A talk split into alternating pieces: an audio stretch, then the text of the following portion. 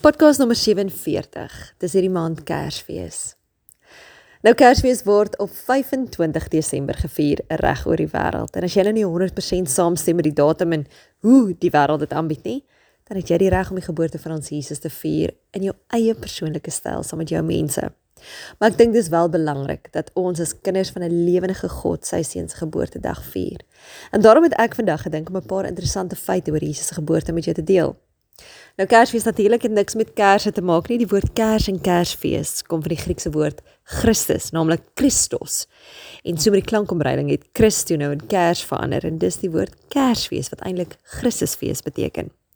As jy gewonder het oor 25 Desember, dan was dit nou die dag en die datum van die fees van die onoorwinnelike son in die Romeinse kalender. Nou dit was Mithras, 'n Persiese songod wat aanbid is op daai dag. Maar daarmee saam is die son se oorwinning oor die winter se duisternis toe nou jaarlik gevier. Maar Konstantin die Grote het na sy bekering die fees verchristelik en sedertdien word Jesus geboorte op daai dag gevier.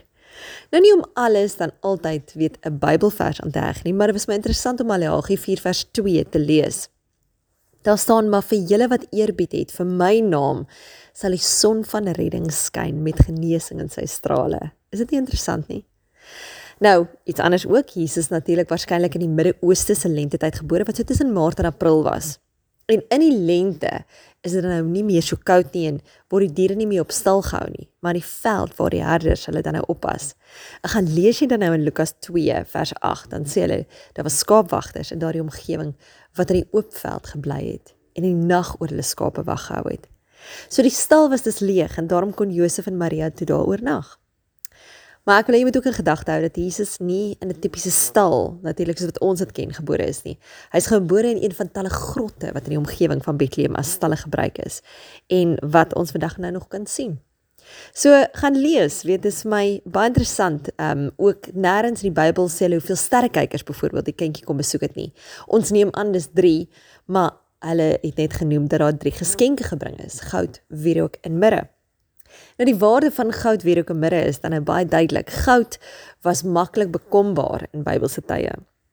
Omdat al die grond in 'n land aan die koning behoort het, het al die goud wat ontgin is ook aan die koning behoort. En dit dan eh, eh, hy het dit dan vir hom gekoop. Goud en koning was dus sinoniem geweest. Koning het dit ook um, aan mekaar gegee as geskenke. En die goud wat Jesus as persent gekry het, was dis 'n simbool van sy koningskap en sy heerskappy. Wierook aan die ander kant is gemaak van die gom van sekere bome en mense het dit gebrand om 'n aangename geur te verkry.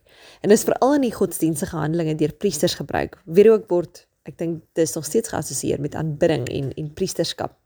Mirre, dit kom van 'n gedroogde sap van 'n sekere boom.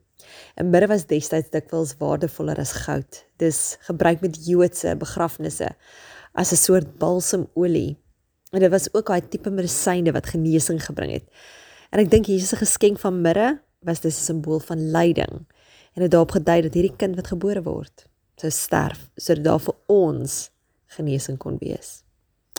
Wat sê ek vandag? Mag Kersfees vieringe vir jou herinnering wees dat jou verhouding met God van onmeetbare waarde is en dat God van ons verwag om families belangrik te ag weet in 1 Timoteus 5 vers 8 sê dit so mooi is iemand nie van sy eie mens veral nie van sy eie huisgesin sorg nie het hy die geloof verloon en hy slegter as 'n ongelowige.